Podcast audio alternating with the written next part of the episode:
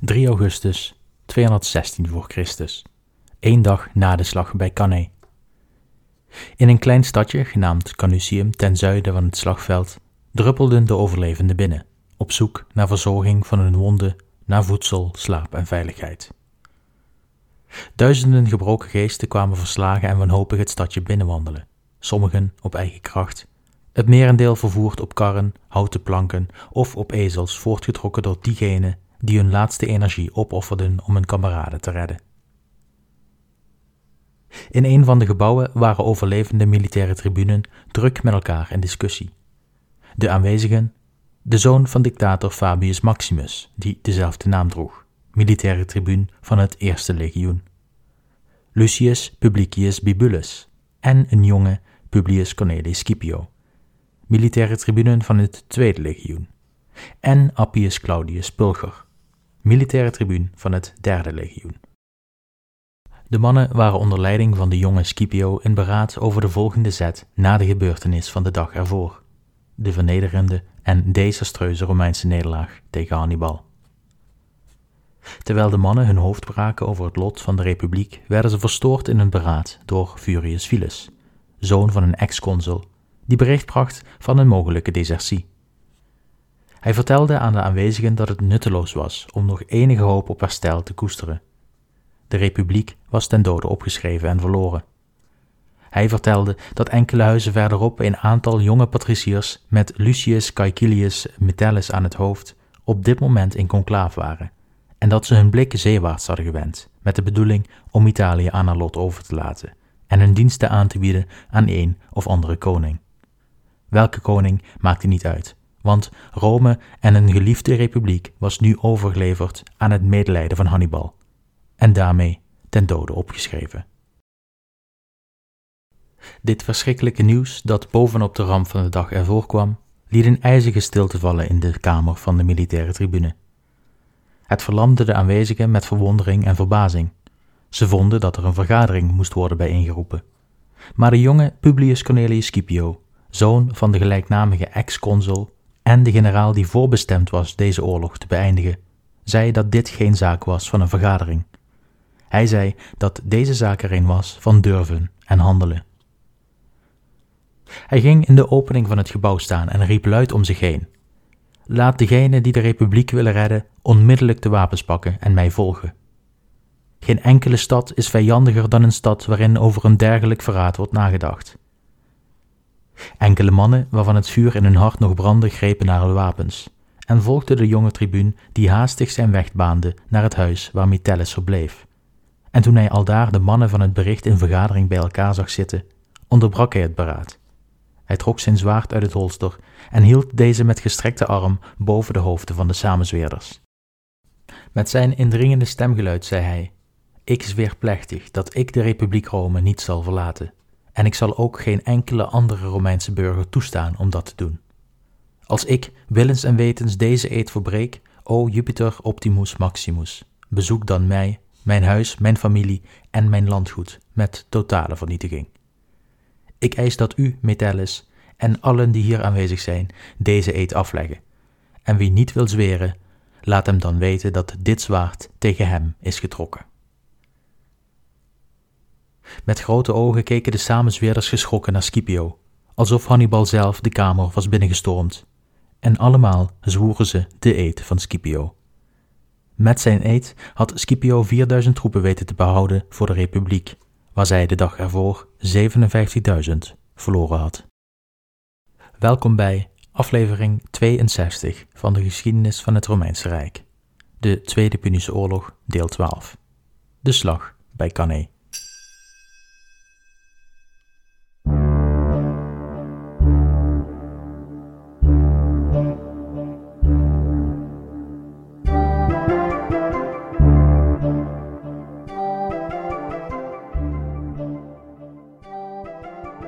Vandaag gaan we het hebben over de slag bij Cannae.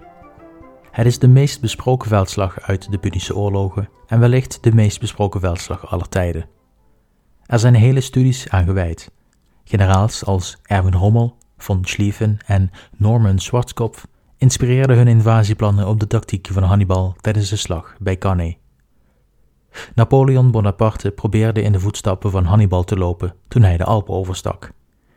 Vele grote namen uit onze westerse militaire geschiedenis hebben op een of andere manier geprobeerd de prestaties van de Carthaagse generaal tijdens de slag bij Cannae te evenaren. Allen hebben jammerlijk gefaald. De overwinning van Hannibal tijdens de slag bij Cannae is breed erkend als de heilige graal van de veldslagen. In termen van tactische originaliteit en verfijning is de Carthaagse overwinning bij Cannae ongeëvenaard. En zoals Dwight D. Eisenhower ooit sprak, staat Hannibal als tactisch genie alleen en ongeëvenaard aan de top door zijn overwinning op 2 augustus 216 voor Christus. Er zijn vele versies van de slag. De uiteindelijke conclusie blijft weliswaar ongeveer dezelfde, maar de details van de slag, de locatie, de hoeveelheid aan mannen, het verloop en de gevolgen wijken in ieder antiek verslag iets van elkaar af, waardoor historici al decennia lang met elkaar overhoop liggen over wat er nu precies is gebeurd die dag. Ik zal vandaag een zo goed mogelijk verhaal proberen te vertellen over de meest geaccepteerde versie van deze gebeurtenis. Hier en daar zal ik misschien een kanttekening aanbrengen, maar omwille van de tijd kan ik niet overal te diep op ingaan. Voor de personen die na deze aflevering toch meer willen weten van de slag en de verschillende invalshoeken, raad ik u aan het boek van Adrian Goldsworthy aan te schaffen, getiteld Hannibal's Meesterzet. Ik heb dit boek mede gebruikt voor het maken van deze aflevering en het geeft een toegankelijke en uitgebreide beschrijving van de slag en alle relevante randzaken. Zeker een aanrader dus, als u het fijne van de slag bij Cannae wil weten. Het boek geeft ook duidelijke kaarten van de slag en de omgeving, welke ik overigens ook op de website zal plaatsen. Enfin, dan nu ter zake.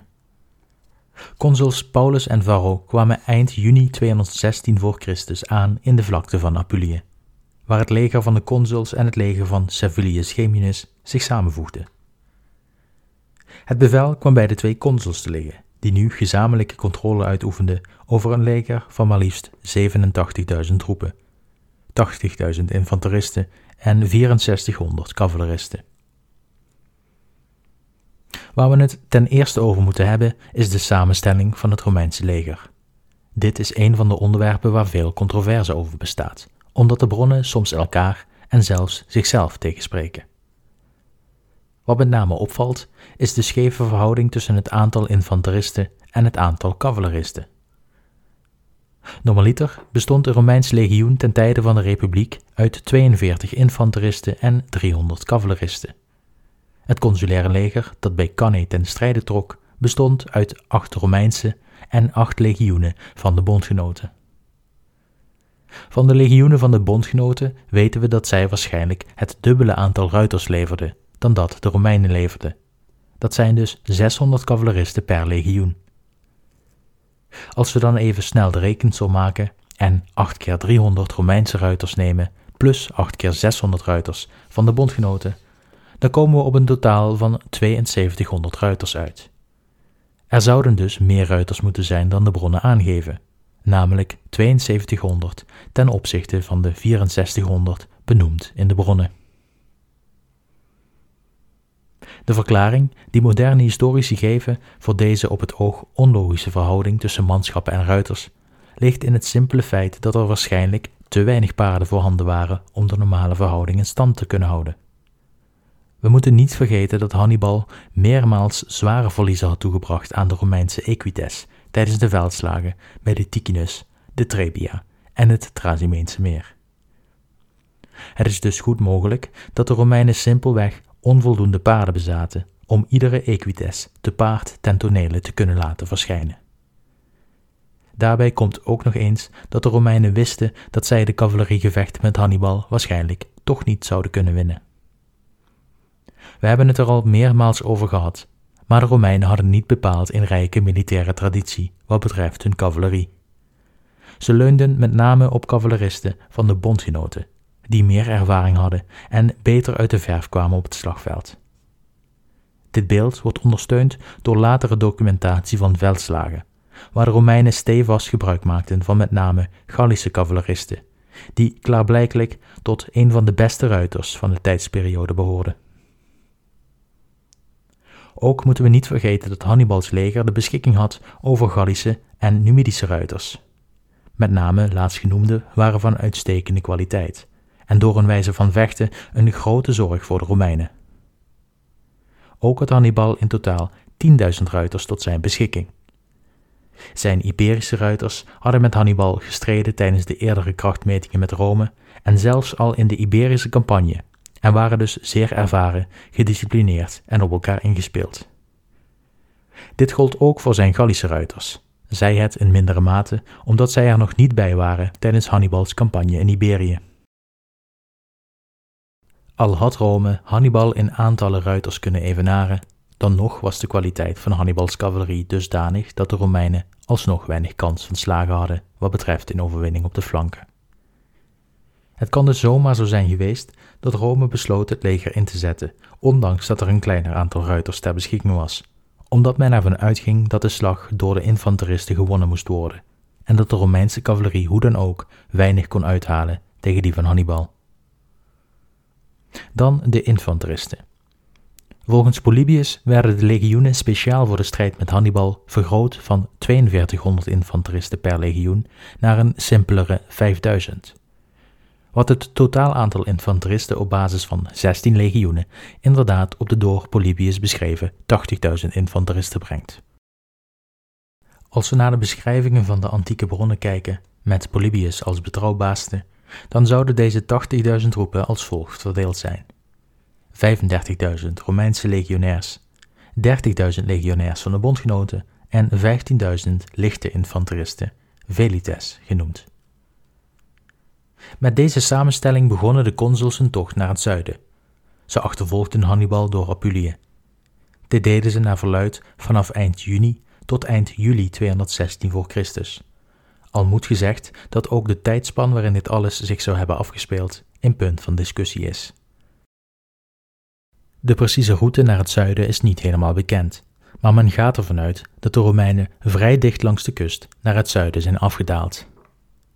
Waarschijnlijk rond 30 juli kwamen de Romeinen in het zicht van Cannae en zetten ze een kamp op op enkele kilometers afstand van Hannibal en de stad. Zoals altijd wisselde het bevel over het leger tussen de twee consuls. De ene dag had Paulus het voor het zeggen, de andere dag was het Varro die de scepter zwaaide. Op de dag dat de Romeinen in het zicht van Cannae waren en bezig waren een kamp op te zetten op enkele kilometers afstand, had Varro het bevel. Hij zette zijn kamp zo ver van de stad op, omdat de Romeinse kolonne zou zijn aangevallen op een tocht richting Cannae. Het is niet helemaal duidelijk wat er is gebeurd, maar het verhaal wordt als volgt verteld.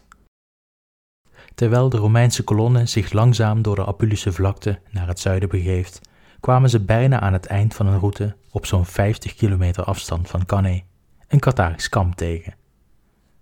De Romeinse soldaten wachten even, in afwachting van instructies van consul Varro, toen ze ineens uit het kamp de persoonlijke lijfwachten van Hannibal het kamp zien verlaten.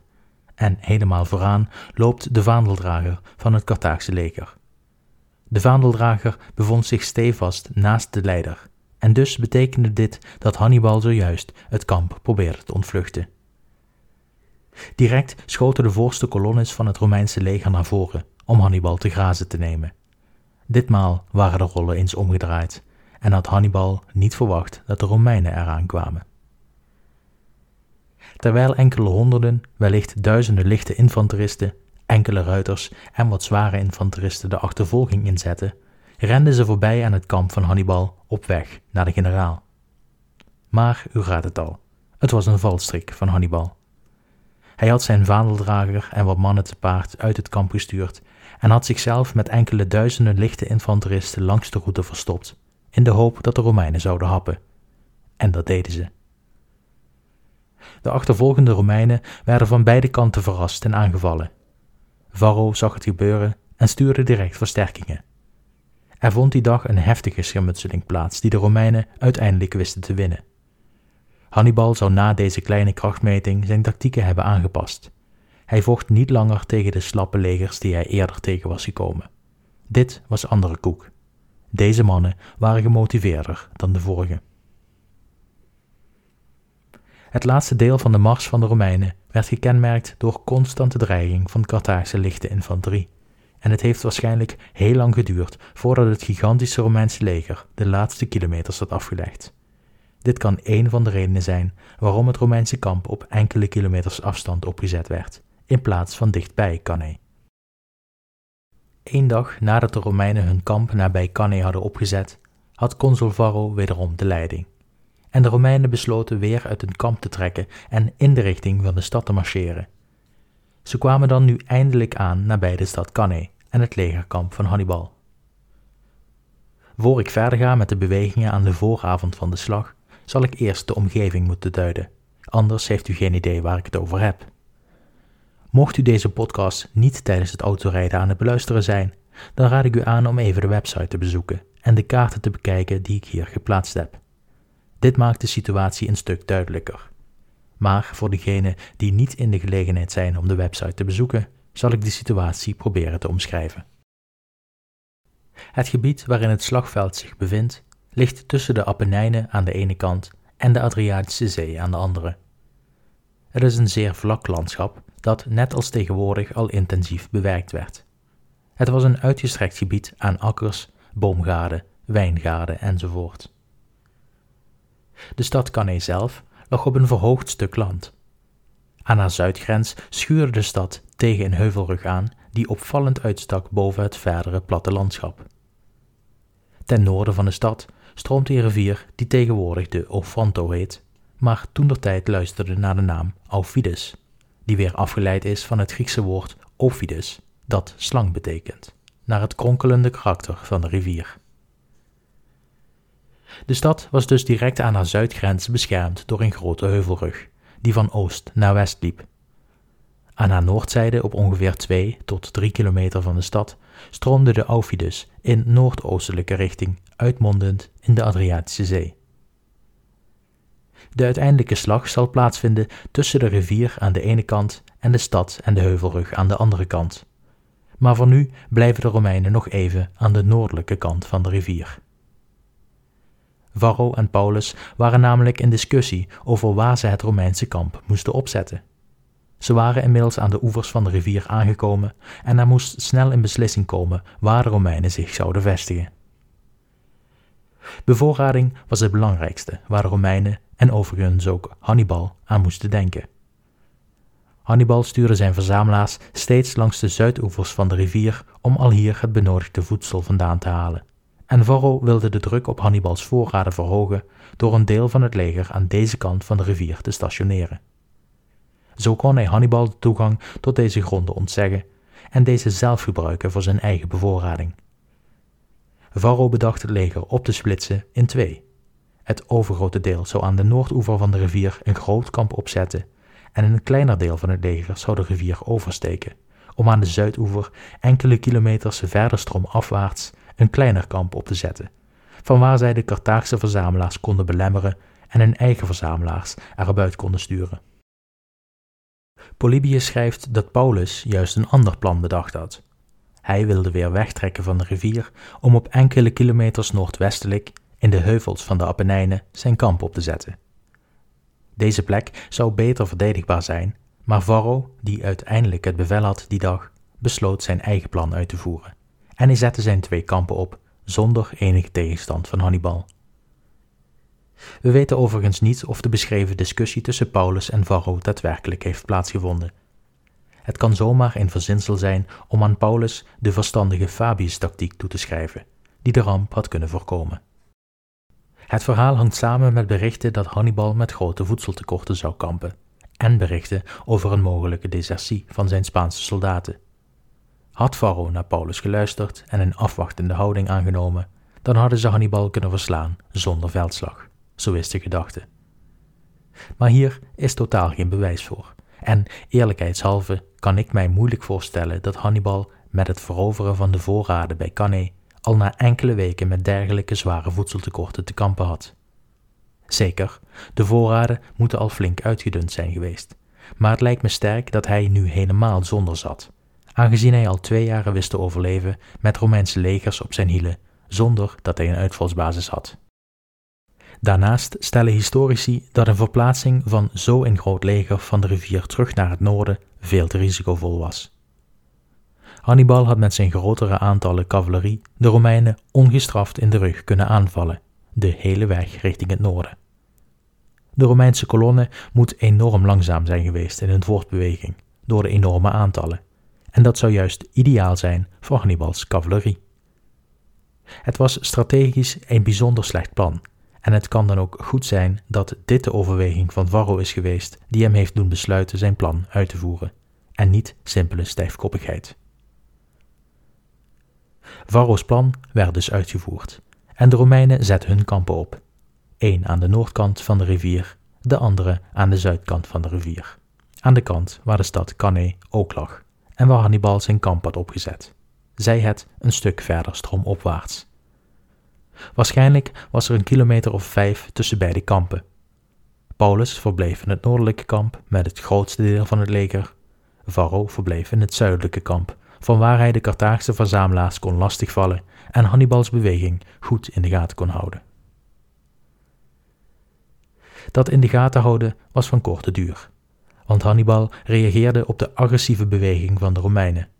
Hij verliet zijn kamp met vrijwel zijn volledige strijdmacht, slechts een klein deel van zijn mannen in de stad achterlatend ter bescherming. Hij stak de rivier over in tegenovergestelde richting van Varro en zette een nieuw kamp op op zo'n 5 à 10 kilometer van dat van Paulus. Er vonden die dag geen noemenswaardige ontwikkelingen meer plaats. De nacht viel en de ochtend van 1 augustus 216 voor Christus brak aan. Het was nu weer aan Paulus om bevel over de troepen te voeren. Hij ondernam echter geen agressieve bewegingen en de slag zou ook door hem niet begonnen worden. Hij zag zich namelijk al vroeg op de ochtend geconfronteerd met Hannibal, die zijn kamp ten oosten van Paulus' kamp had verlaten en met zijn volledige leger in gevechtsformatie aannam. Hij marcheerde met zijn voltallige leger in de richting van Paulus en stelde zich op op geringe afstand van zijn kamp. Hij nodigde de Romeinen uit voor een veldslag. Paulus liet zich echter niet uit de tent lokken. Hij wist dat de grote vlakten ten noorden van de rivier een uitstekend terrein was voor Hannibals cavalerie. Zij waren sowieso al in de meerderheid en de Romeinen wisten dat zij ook nog eens in kwaliteit beter waren. Varro en Paulus hadden de eerdere veldslagen met Hannibal bestudeerd en zij wisten dat Romeinse cavalerie geen partij was voor een tegenstander. Een veldslag op open en vlak terrein zou de Romeinen kwetsbaar maken voor aanvallen op de flanken en resulteren in een nederlaag. Paulus besloot dus rustig in zijn kamp te blijven en de Carthagers te laten wachten op een slag. Hannibal stuurde na deze laffe reactie zijn Numidische cavalerie de rivier over om de Romeinse verzamelaars die rond het zuidelijke kamp op zoek waren naar voorraden aan te vallen. Ze kregen de instructie mee om niet het kamp zelf aan te vallen en alleen de slaven lastig te vallen. Ook nu bleef een Romeinse reactie uit, en Hannibal gebruikte dit zwaktebod om zijn mannen ervan te overtuigen dat de Romeinen geen eer hadden en bang waren voor de kracht van Hannibals leger. We weten niet of Hannibal daadwerkelijk verwachtte dat de Romeinen in zouden gaan op zijn uitnodiging in dergelijke voor hem voordelige omstandigheden, of dat hij het alleen maar deed om het moreel van zijn troepen te verhogen. Hoe dan ook, Paulus deed het verstandige en hij reageerde niet op de uitdaging van Hannibal. Hannibal trok zich terug naar zijn kamp en was de morele overwinnaar van die dag. De nacht viel en de ochtend van 2 augustus 216 voor Christus brak aan. De Romeinse troepen in het kamp van Varro, die voor die dag het bevel weer overnam van Paulus, zagen voor de tent van Varro de rode vexillum opgesteld staan. Het opstellen van deze rode vierkante vlag voor de tent van de consul was het traditionele signaal dat er die dag in slag geleverd zou worden. En de mannen wisten dus dat het uur van de waarheid was aangebroken. Men prepareerde hun harnassen, ze slepen de messen en zwaarden en zochten hun officieren op, alvorens op bevel van Varro het kamp uit te marcheren en zich te gaan opstellen voor het gevecht. De antieke bronnen schrijven dat Varro de beslissing om die dag het gevecht aan te gaan helemaal in zijn eentje genomen zou hebben. Paulus zou volledig verrast zijn geweest door de actie van zijn collega en haastig de troepen het bevel hebben gegeven zich klaar te maken voor het gevecht en zich aan te sluiten bij Varro. Dit is hoogstwaarschijnlijk wederom een verzinsel, voortbordurend op een zogenaamd bijna reddeloze Hannibal die met desertiet te kampen had en ernstige voedseltekorten had. Het was vrijwel ondenkbaar dat Varro, zonder medeweten van zijn collega, het gevecht geïnitieerd zou hebben.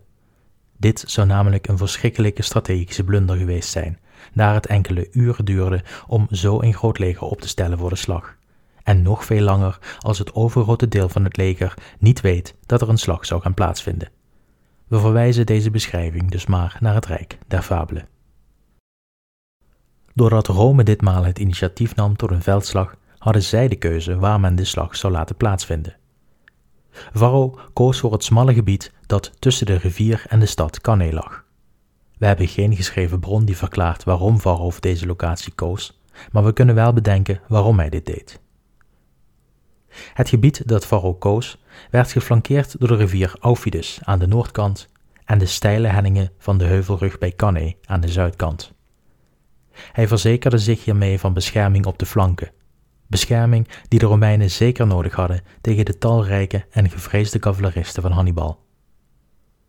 Het gebied was ongeveer 2,5 kilometer breed en gezien de grote aantallen soldaten die deelnamen aan de slag, kon Varro zijn troepen zo opstellen dat de infanterie vrijwel de volledige 2,5 kilometer in de breedte konden opvullen, met slechts een kleine ruimte voor de Romeinse cavalerie.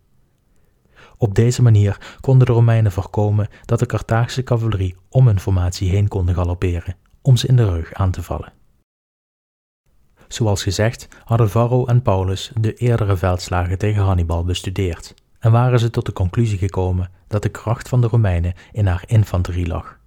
Waar de cavalerie stevast werd overrompeld door haar Carthaagse tegenstanders, hadden de legionairs steeds laten zien dat zij wel opgewassen waren tegen Hannibals mannen zij hadden het zelfs enkele keren voor elkaar gekregen om door de Carthagische formatie heen te breken, terwijl hun kameraden op de flanken werden afgeslacht.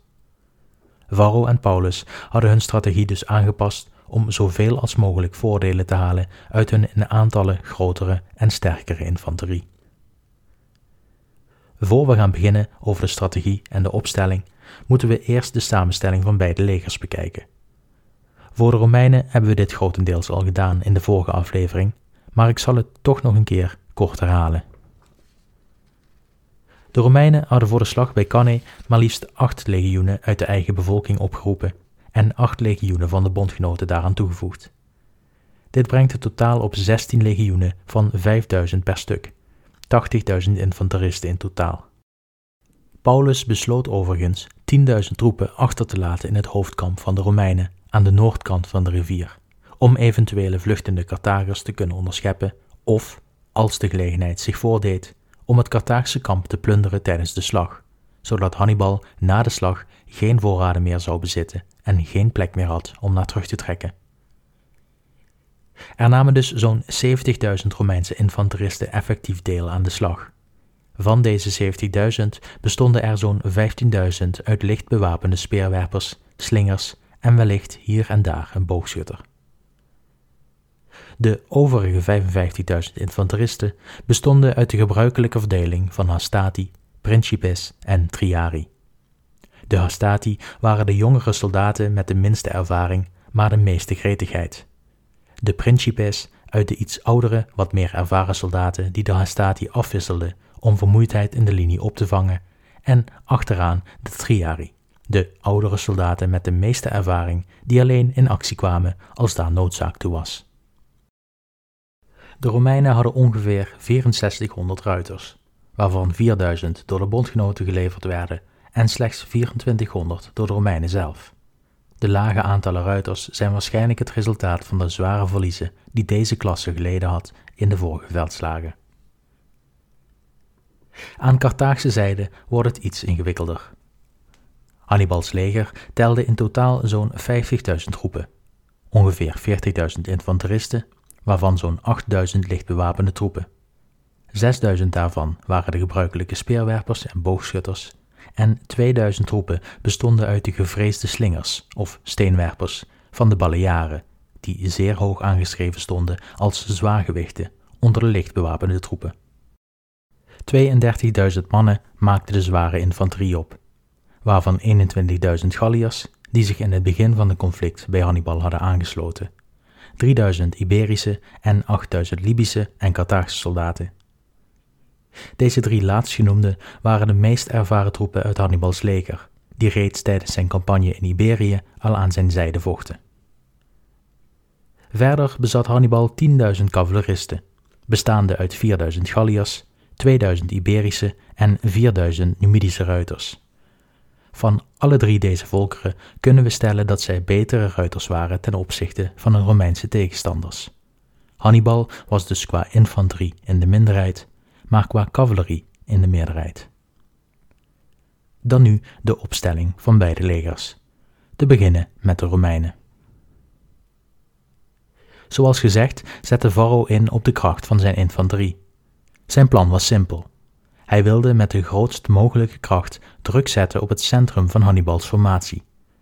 Hij was ervan overtuigd dat wanneer de Romeinen de formatie van Hannibal zouden breken, de slag gewonnen was. Hij zou zoveel mogelijk mannen inzetten in het centrum om zo de Carthagers vanuit het centrum uit elkaar te drukken, en wanneer zij eenmaal gebroken waren, zou de rest vanzelf breken, vluchten en gedood worden. Omdat het slagveld zo smal was, slechts 2 tot 2,5 kilometer breed, koos Varro ervoor om de gebruikelijke breedte en diepte van de manipels aan te passen. Hij stelde ze veel smaller dan normaal op en zorgde voor vele diepere rangen.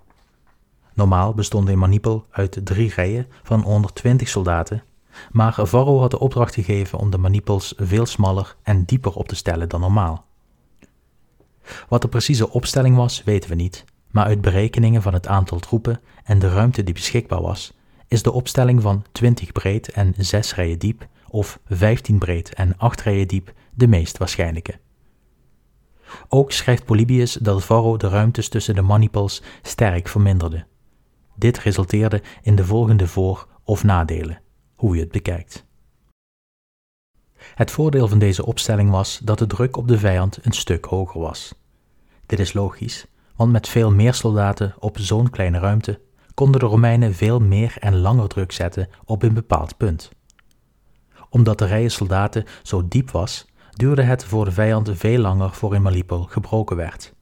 Immers konden de voorste rijen veel vaker worden vervangen door verse troepen die erachter opgesteld stonden. Ook zorgde Varro er met zijn opstelling voor dat de vluchten van het slagveld vele malen moeilijker werd voor de voorste soldaten. Zij moesten, als ze wilden vluchten, nu door ontelbare kameraden heen manoeuvreren, en de kans was groot dat ze tegen een tribuun of pruiter aanliepen, die korte metten maakten met iedereen die wilde opgeven of vluchten. Nadeel was echter dat deze opstelling grote beperkingen bracht in de beweeglijkheid van de manipels en het overzicht op het geheel. Omdat er zoveel mannen dicht op elkaar gepakt stonden, was het al vrij snel moeilijk om overzicht te houden tussen de verschillende manipels zeker toen het gevecht langer voortduurde en de mannen tijdens de gevechten door elkaar heen begonnen te bewegen, werd het moeilijk om je eigen manipel te herkennen en terug te vinden. Ook zorgde de diepe opstelling ervoor dat veel van de legionairs die in rang 4 en verder stonden, hun pila of werpsperen niet konden werpen zonder het risico om hun kameraden in de voorste linie te raken. Dit maakte dat van de 65.000 infanteristen slechts een klein deel hun pila naar de vijand konden werpen en leverde dus een voordeel op voor Hannibal. Varro en Paulus besloten om geen onderscheid te maken tussen bondgenoten en Romeinen. Normaal stonden de bondgenoten aan de flanken opgesteld, maar Varro en Paulus hadden voor dit gevecht de Romeinen en de bondgenoten gemixt opgesteld, waardoor over de gehele breedte zowel Romeinen als bondgenoten stonden opgesteld. Waarom dit werd gedaan is niet helemaal duidelijk. Varro en Paulus zorgden er tevens voor dat vrijwel alle officieren, militaire tribune, praetors of andere onderofficieren in het centrum stonden opgesteld. Zij moesten ervoor zorgen dat er orde bleef in de dichtgepakte linies en dat men niet zou vervallen in een eenheidsworst zonder enig overzicht of cohesie. Zij kregen de opdracht de mannen naar voren te schreeuwen en ervoor te zorgen dat de vijandelijke linie zo snel mogelijk zou breken. Want, zo hadden Varro en Paulus bedacht, de cavalerie hoefde alleen maar stand te houden tegen de Carthagers, te verdedigen, voorkomen dat de flanken vrijkwamen voor vijandelijke aanvallen, En zodra het vijandelijke centrum doorbroken zou zijn en de flanken beschermd, dan was de slag voorbij. De cavalerie hoefde dus alleen maar vol te houden tot het centrum doorgebroken was, en dus moest dat laatste zo snel mogelijk gebeuren. De Romeinen stonden met hun linies naar het zuidwesten opgesteld. De rivier aan hun rechterflank, de heuvels aan hun linkerflank. Aan de rivieroevers nam Paulus plaats samen met de cavalerie van de bondgenoten. In het centrum stonden de legionairs opgesteld onder leiding van proconsul Servilius Geminus, met de velites of lichte infanterie ervoor opgesteld om de eerste salvo's met de vijand te wisselen. Aan de linkerflank stond Varro zelf opgesteld. Hij had de leiding over de Romeinse cavalerie, die naast hun beschermd werden door de heuvelrug bij Cannae. Aan Hannibals zijde stonden de mannen als volgt opgesteld. In het centrum stelde Hannibal zijn Gallische en Iberische infanterie op. Deze mannen hadden de taak om de zware druk van de Romeinen op te vangen en zo lang uit te houden tot de cavalerie de strijd met de Romeinen gewonnen hadden. De Galliërs, die in het begin nog apart werden opgesteld, waren nu zo gewend geraakt aan Hannibals bevel dat ze gemixt konden worden met de Iberiërs. Van de lafhartige aard van de barbaren, zoals zij door de Romeinen beschreven worden, was al lang geen sprake meer. Ze hadden zich door de jaren heen bekendgemaakt met de Hellenistische wijze waarop Hannibal oorlog voerde, en ze deden in geen enkel opzicht nog onder voor de Iberiërs of Libiërs in het leger van Hannibal. Aan de linkerflank stonden tegenover Paulus en de cavalerie van de Romeinse bondgenoten de Gallische en Iberische cavalerie opgesteld, onder leiding van Hasdrubal. Hun taak was het om Paulus frontaal aan te vallen en hem te overrompelen met een superieure kwaliteit en aantallen, en zo de flanken van de Romeinse cavalerie vrij te maken voor een aanval. Aan de rechterflank stonden de Numidische cavaleristen opgesteld, onder leiding van Hanno. Zij hadden de taak om Varro en zijn ruiters aan te vallen op de gebruikelijke manier. Speren werpen van een afstand en precies ver genoeg wegblijvend om een tegenaanval te voorkomen. Voor de linies uit stonden de 8000 speer- en steenwerpers opgesteld, samen met de sporadische boogschutters. Als u goed heeft opgelet, mist u dan nog zo'n 8000 troepen, namelijk de Libische en Carthaagse infanterie. Zij waren Hannibals beste troepen, maar zij stonden niet opgesteld in een van de zojuist beschreven linies. Hannibal had de Libische en Carthaagse troepen namelijk de opdracht gegeven om zich achter de linie infanteristen aan de zijkanten op te stellen voor latere instructies. U voelt hem al aankomen. Hannibal had een plan. Ik zal u nog niet vertellen wat het plan was. Daar komen we vanzelf achter tijdens het verhaal. Zo waren de opstellingen van de legers in de vroege ochtend van 2 augustus 216 voor Christus. Ik zeg vroege ochtend, maar het heeft waarschijnlijk enkele uren geduurd voordat de legers zichzelf opgesteld hadden in dit smalle gebied. Dan kan nu de slag beginnen. Met 70.000 roepen gaf Varro het signaal: voorwaarts. Het zicht van de langzaam naderende, schijnbaar oneindige stroom aan Romeinen moet een angstaanjagend gezicht zijn geweest voor de Carthagers. Hannibal was zich bewust van dit psychologische gevaar en hij stelde zich op dicht achter de voorste linie aan Iberische en Gallische soldaten. Hij zou tijdens het gehele gevecht dicht bij de frontlinie blijven bewegen, zijn troepen moed toeschreeuwen en daar waar nodig hulptroepen toewijzend. Hij was zich bewust van het belang om de Romeinen zo lang mogelijk tegen te houden, zodat zijn cavalerie het voorbereidende werk kon doen omdat het nooit verstandig is om te wachten tot de vijand met zijn volle gewicht op je inklapt, gaf ook Hannibal het signaal aan zijn troepen om zich voorwaarts te bewegen. Ze twijfelden geen moment en begonnen naar voren te bewegen.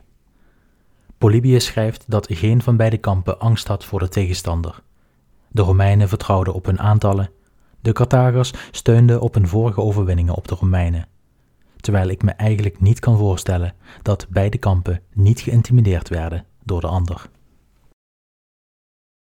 Terwijl beide troepenmachten langzaam naar elkaar bewogen, moet de stofwolk die opgeworpen werd gigantisch zijn geweest. Hannibal had zijn lichte infanterie de opdracht gegeven zoveel mogelijk stof op te werpen, om zijn opstelling te kunnen verbergen voor de vijand.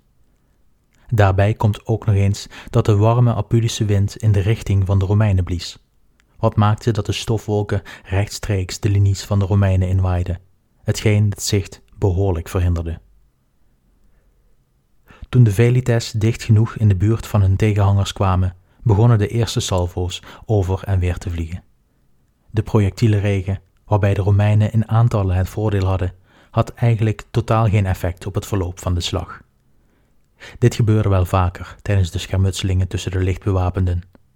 De baan van de projectielen kon overdag gemakkelijk getraceerd worden en ook de stofwolken zullen hier geen effect op gehad hebben, want de slachtofferaantallen van deze eerste krachtmeting zijn gering. Adrian Goldsworthy schrijft in zijn boek Hannibal's Meesterzet over de wijze van vechten van deze Velites en hun tegenstanders.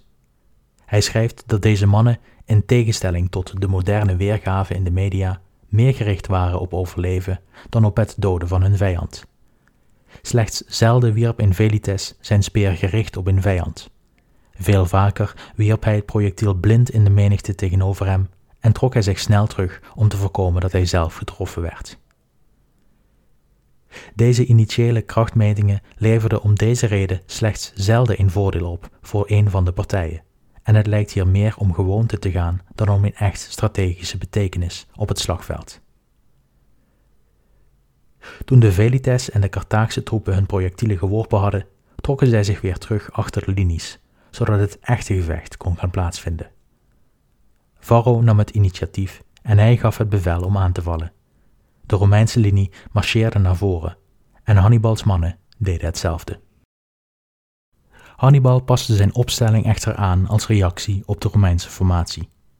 Hij koos ervoor om het midden van zijn centrum naar voren te schuiven, zodat zijn linie in een punt naar voren stond opgesteld. Hannibal probeerde op deze manier de kracht die de Romeinse linie in zijn geheel bezat te verminderen, door hen slechts op een klein frontje in contact te laten komen met zijn eigen mannen. De punt van de formatie zou op deze manier de klap kunnen opvangen en de flanken van de Romeinen zouden door dit contact in het centrum vertraagd worden om cohesie te behouden. Zoals Hannibal het bedacht had, zo gebeurde het ook. En het Romeinse centrum verloor een deel van zijn slagkracht omdat slechts een klein deel van de linie in direct contact kwam met de vijand. Terwijl het vooruitgeschoven deel van de Carthagers in contact kwam, braken ze dus het Romeinse momentum maar heel lang zouden ze het niet volhouden.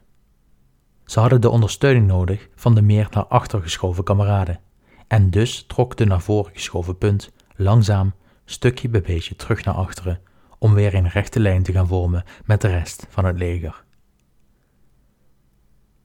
De Romeinen reageerden op de actie van Hannibal door de flanken in hun opmars te temperen. De cohesie moest behouden worden en het gevecht moest in het centrum geleverd worden terwijl er hier en daar natuurlijk wel wat gevechten plaatsvonden naast het centrum, bleef de Romeinen informatie en trokken ze tegelijkertijd op met het centrum die in zware gevechten zat met de tegenstander. Terwijl de gevechten in het centrum voortduurden en de Romeinen de Carthaagse punt langzaam terugdrongen, stuurde Hannibal zijn linkerflank onder leiding van Hasdrubal vooruit. De Gallische en Iberische cavalerie stormden het slagveld over in de richting van Paulus, die maar één taak had: het opvangen van de klap en overleven tot het centrum een doorbraak bereikt had. Hasdrubal ging in de frontale aanval. Maar omdat het slagveld zo smal was en Paulus en zijn ruiters aan de ene kant beschermd werden door de rivier en aan de andere zijde door de zware infanterie, konden de Romeinen de klap goed opvangen door dicht op elkaar in een standvastige formatie opgesteld te staan. De klap kon goed worden opgevangen en er zijn berichten dat enkele ruiters van hun paard afstegen omdat zij zo beter konden vechten in de kleine ruimte die beschikbaar was door een opstelling. De gevechten op de flank tussen Hasdrubal en Paulus moeten intens geweest zijn, en Paulus wist in eerste instantie Hasdrubals ruiters tegen te houden. Maar door de aantallen van Hasdrubal en zijn betere kwaliteit ruiters werd de situatie op de flank steeds hachelijker voor de Romeinen. Terwijl de infanteristen op Paulus' flank steeds verder naar voren schoven en zij zelf steeds verder naar achter gedrukt werden, kwamen de Carthagers steeds meer in het voordeel. Ze penetreerden de Romeinse formatie en trokken de Romeinen van hun zadels naar de grond. Nu Paulus niet meer kon vertrouwen op de steun van de infanterie, was het gedaan met zijn verzet op de flank. De Romeinen werden overrompeld door Hasdrubal en zijn mannen, en al snel werden de Romeinen uiteengeslagen en verjaagd. Paulus zag kans te ontsnappen uit het verloren gevecht op de flank, en hij vluchtte met enkele van zijn stafleden in de richting van het centrum, waar hij zich aansloot bij proconsul Servilius Geminus, om de troepen aldaar te voorzien van leiderschap. De overgebleven ruiters vochten voor wat ze waard waren. Anderen vluchtten weg van de slachting. Hasdrubal had de linkerflank bevrijd van Romeinse cavalerie en hij en zijn mannen achtervolgden de vluchtende Romeinen tot ver van het slagveld. Intussen, aan de andere kant van het slagveld, aan de flank van Varro, zag hij de Numidische cavalerie op hem afstormen. Ze kwamen tot op werpafstand en ze bestookten de consul en zijn ruiters met speren, maar tot een echte confrontatie kwam het niet.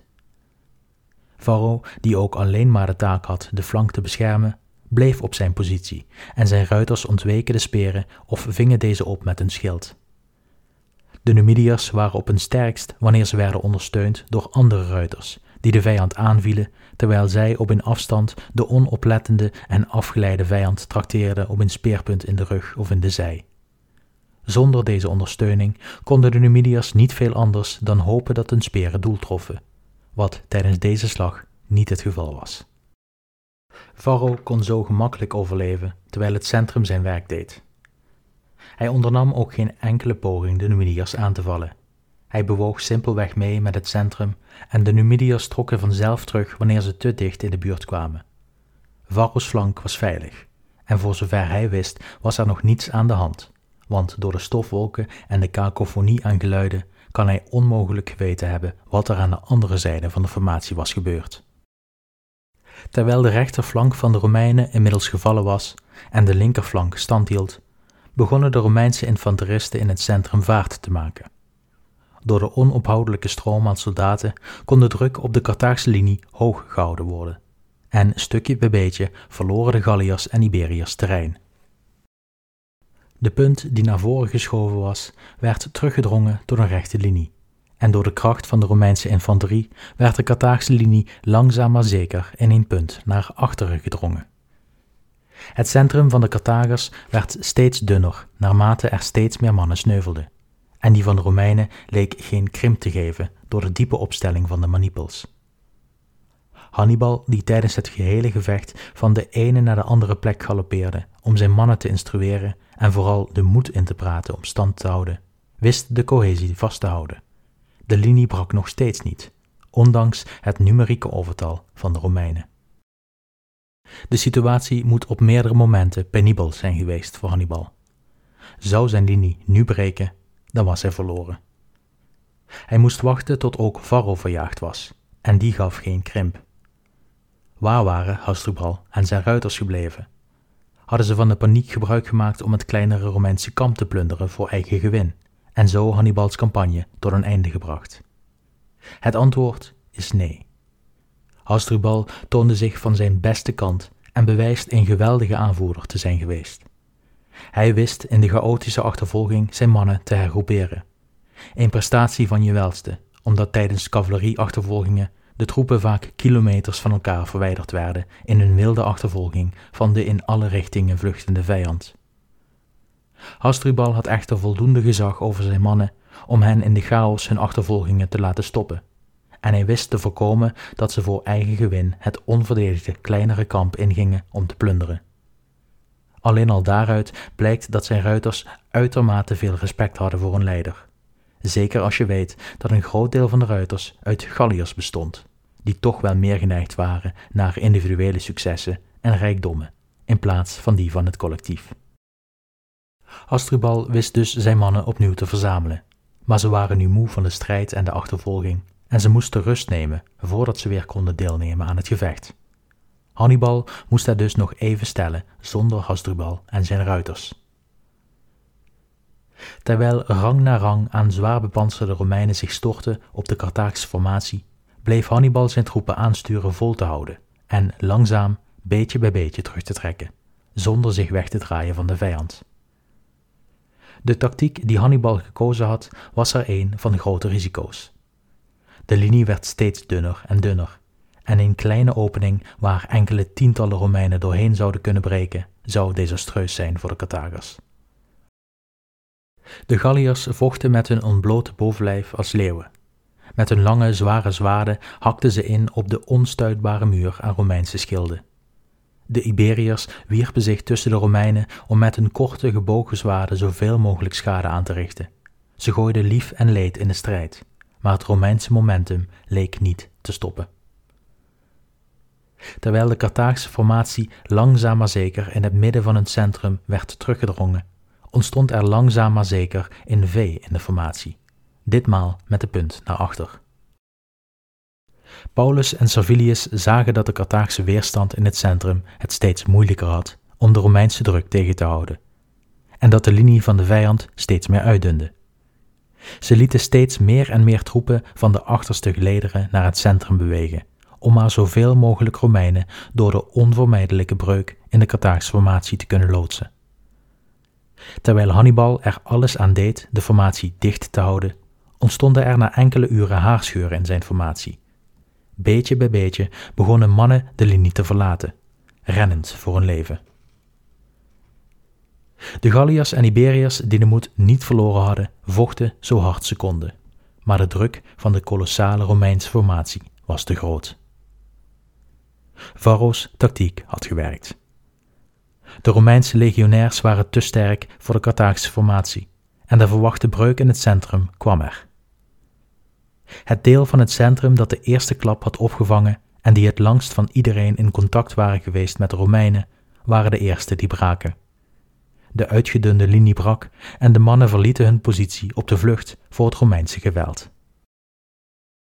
Direct kwam het bevel van Paulus en Servilius om door te drukken. Direct werden alle beschikbare mannen bevolen het gat in te duiken en de vluchtende vijand te achtervolgen en de cohesie van de Carthagers te breken. Tienduizenden legionairs braken door het gat heen, dat steeds groter werd gemaakt door de gigantische druk van de duizenden soldaten die zich een weg probeerden te banen door de opening. Varro, die ineens een stroom aan Romeinse legionairs zag verdwijnen in een gat van de Carthaagse linie, moet geweten hebben dat zijn plan gewerkt had. Misschien was hij zelfs even met zijn hoofd in de wolken over zijn succesvolle strategie, toen hij tot zijn schrik bericht kreeg van een van zijn mannen dat er achter hen een groep vijandelijke ruiters gesignaleerd was. Hasdrubal en zijn mannen hadden na een korte periode van rust hun energie weer hervonden. En nu de legionairs door het centrum waren doorgetrokken, lag de weg vrij naar de achterzijde van Varro's cavalerie. Varro, die gevangen zat tussen Numidiërs aan de ene kant, Hasdrubal aan de andere kant en de heuvels aan zijn zijkant, wist dat wanneer hij het gevecht aan zou gaan, hij in de pan gehakt zou worden. Hij was gigantisch in de minderheid, en wellicht inschattend dat zijn centrum de slag al gewonnen had, zette hij het op een galop. Hij vluchtte met zijn mannen van het slagveld, weg van zijn leger om in een doorgang door de heuvels van zijn persoonlijke ondergang te ontsnappen.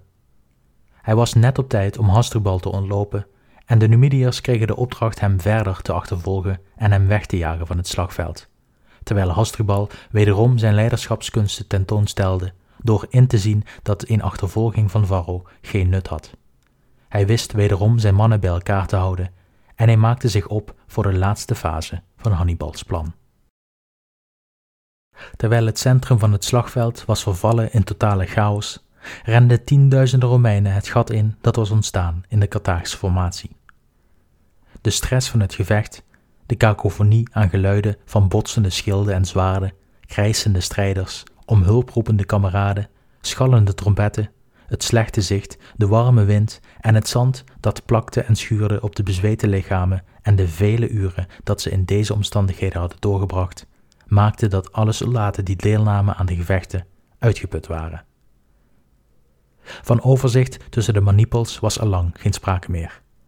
Als één grote massa baanden de Romeinen zich in weg door het gat, waar ze honderden meters moesten sprinten om snel aan de andere kant van de vijandelijke formatie te komen. Door de pure adrenaline en de omstandigheden moet het uitermate moeilijk geweest zijn voor de Romeinen om enig gevoel van richting te behouden. Door de grote massa wist men simpelweg niet meer waar men was, waar hun officieren waren en wat ze moesten doen. Het enige wat men wist was rennen door het gat en alles en iedereen dat op een vijand lijkt afmaken. De situatie van het slagveld was nu als volgt. De Romeinse cavalerie was uitgeschakeld en het slagveld ontvlucht.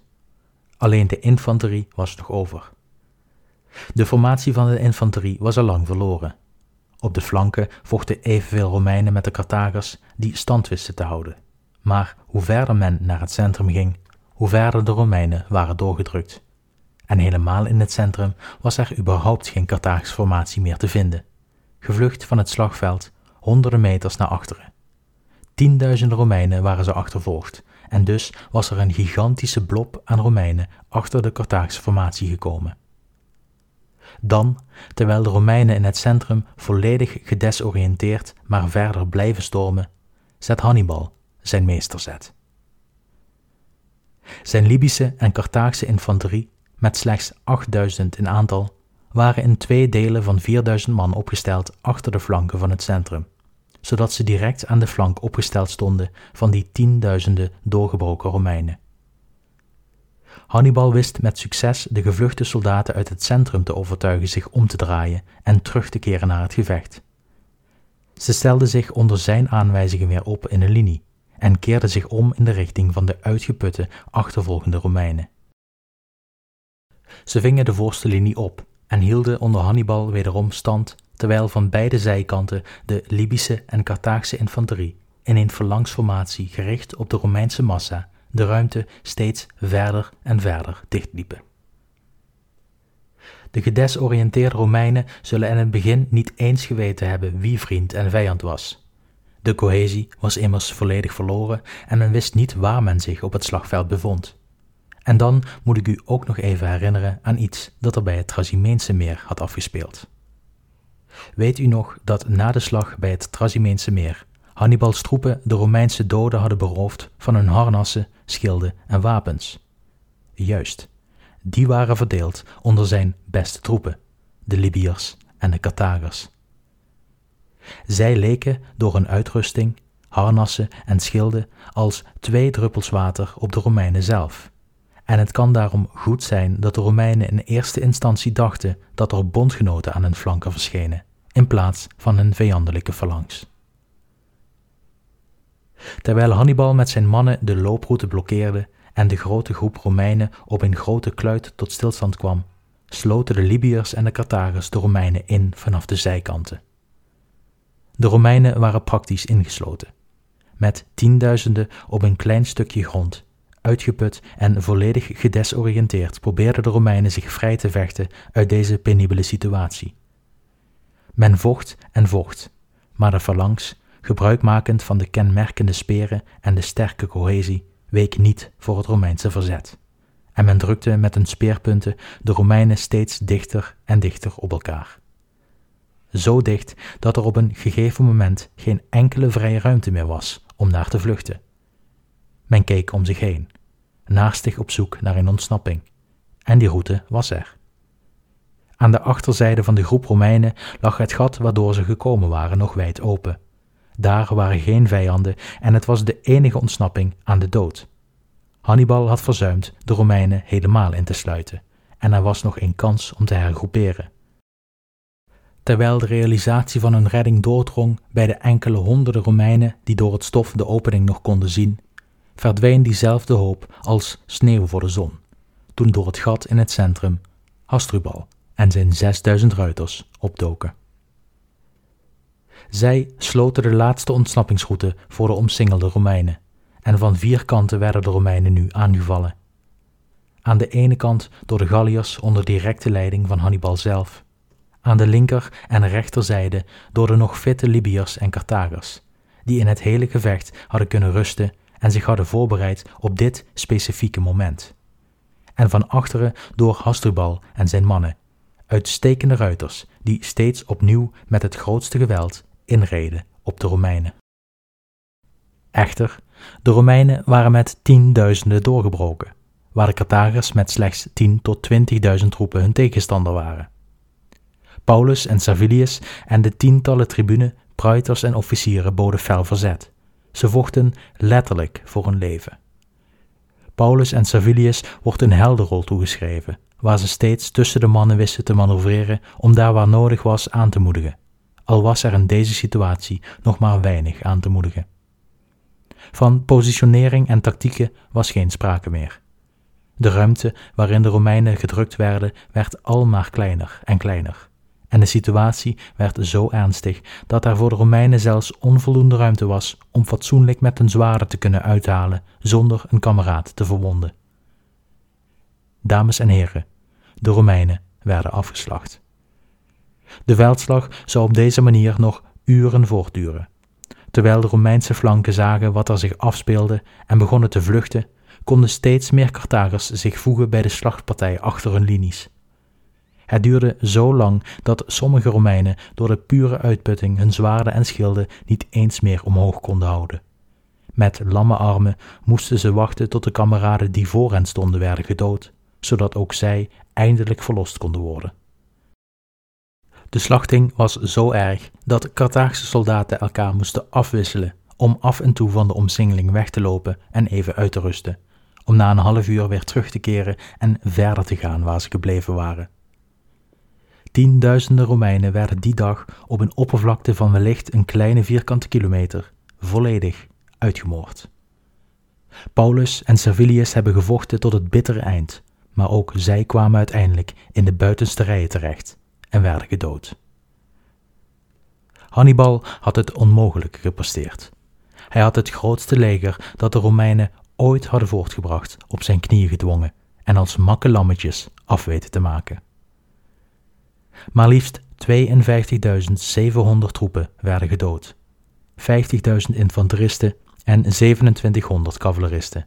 Maar ook werden er gedood consul Lucius Aemilius Paulus, proconsul Servilius Geminus, ex-consul en ex-meester van de paarden Marcus Minucius Rufus, 80 senatoren, twee quaestors, 29 van de in totaal 48 militaire tribune en 300 leden van belangrijke patricische families.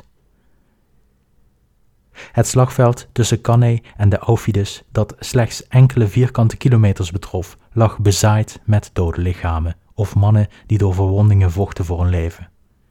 De overwinnaars zochten tussen de tienduizenden lichamen naar levende landgenoten, om deze zo goed als mogelijk te verzorgen. Tussen de lichamen doken al snel vrouwen en kinderen op, veelal meereizende gezinsleden van Gallische soldaten, op zoek naar een man of vader. Romeinse soldaten die gewond op het slagveld achterbleven, werden gedood.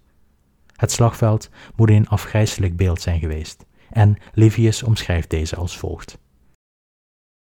De volgende dag, zodra het licht werd, begonnen de Carthagers de buit op het veld te verzamelen en het bloedbad te bekijken, dat zelfs voor een vijand een afschuwelijk gezicht was.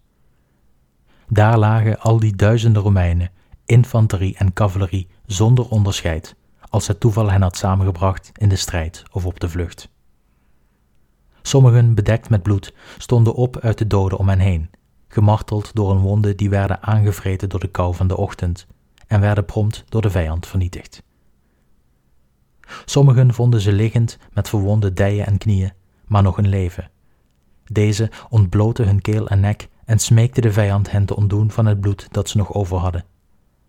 Sommigen werden ontdekt met hun hoofd in de aarde begraven.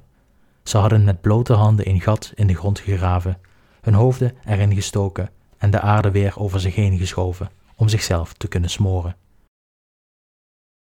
Wat de aandacht van allen trok, was een Numidiër die levend onder een dode Romein die over hem heen lag vandaan werd gesleept. Zijn oren en neus waren afgescheurd, want de Romein die verwond op hem lag, had met handen die te machteloos waren om zijn wapen te grijpen, in zijn waanzinnige woede en laatste adem zijn vijand met zijn tanden verscheurd. En terwijl hij dat deed, stierf hij.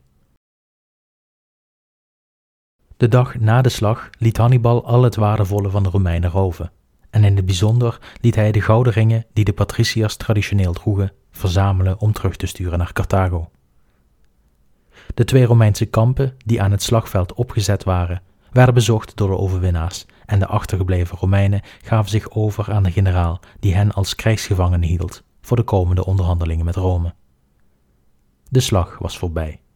Het was de bloedigste slag ooit die op één dag werd uitgevochten. Omdat in onze bronnen alleen de doden of dodelijk gewonden vernoemd zijn, is de verwachting dat het aantal niet-dodelijke gewonden het slachtofferaantal nog eens verder omhoog stuwen. Slechts zelden zijn er in de menselijke geschiedenis veldslagen geweest die eenzelfde aantal slachtoffers stelden.